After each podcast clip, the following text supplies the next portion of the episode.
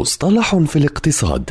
في كل حلقة يطرح المدون وصانع المحتوى الاقتصادي مجد النوري مصطلحا اقتصاديا محددا بلغة سهلة وبسيطة.